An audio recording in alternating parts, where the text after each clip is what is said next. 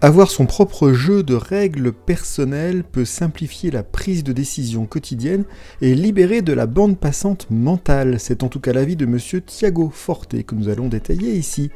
Bienvenue, vous êtes dans J'ai pas le temps pour ça, le podcast proposé par Eric Boucher, où je propose des trucs, des astuces, des outils et des méthodes pour être plus efficace et terminer la journée plus tranquillement.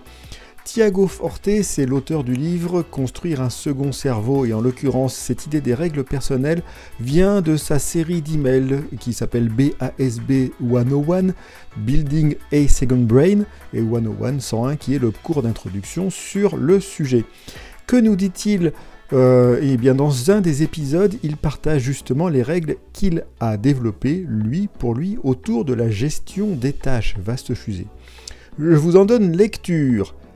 Première règle, je dois écrire une tâche dès que je la remarque. Je n'ai pas le droit de garder cela à l'esprit. Si vous avez entendu tout ce que j'ai dit sur la capture, on est en plein là-dedans. Deuxième règle, chaque tâche doit avoir une prochaine action physique. Il ne peut pas s'agir de réfléchir, décider ou considérer. Troisième règle, si ça prend moins de deux minutes, j'effectue la tâche immédiatement au lieu de l'ajouter à ma liste de tâches, la fameuse règle des deux minutes. Quatrième règle, je ne crée pas de tâches pour lire ou regarder des choses. Celles-ci sont enregistrées dans Reader, qui est l'application de lecture ultérieure de M. Thiago Forte. Cinquième élément, toujours selon Thiago Forte, je ne peux pas marquer les tâches comme hautement prioritaires. Je ne peux le faire que si je peux prendre des mesures à leur sujet et si je n'attends pas que quelqu'un d'autre fasse quelque chose en premier. Sixième point, toutes les tâches doivent contenir toutes les informations critiques nécessaires à leur exécution, telles qu'un numéro de téléphone, une adresse, un email ou un lien. Et enfin, dernier élément, les matinées sont réservées au travail en profondeur. Je ne suis autorisé, Thiago Forte, à travailler sur des tâches légères et faciles que l'après-midi lorsque mon énergie est de toute façon plus faible.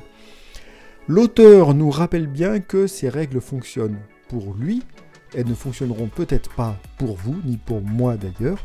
Vous devez développer vos propres règles qui tiennent compte de vos objectifs, de vos forces, faiblesses, de votre environnement.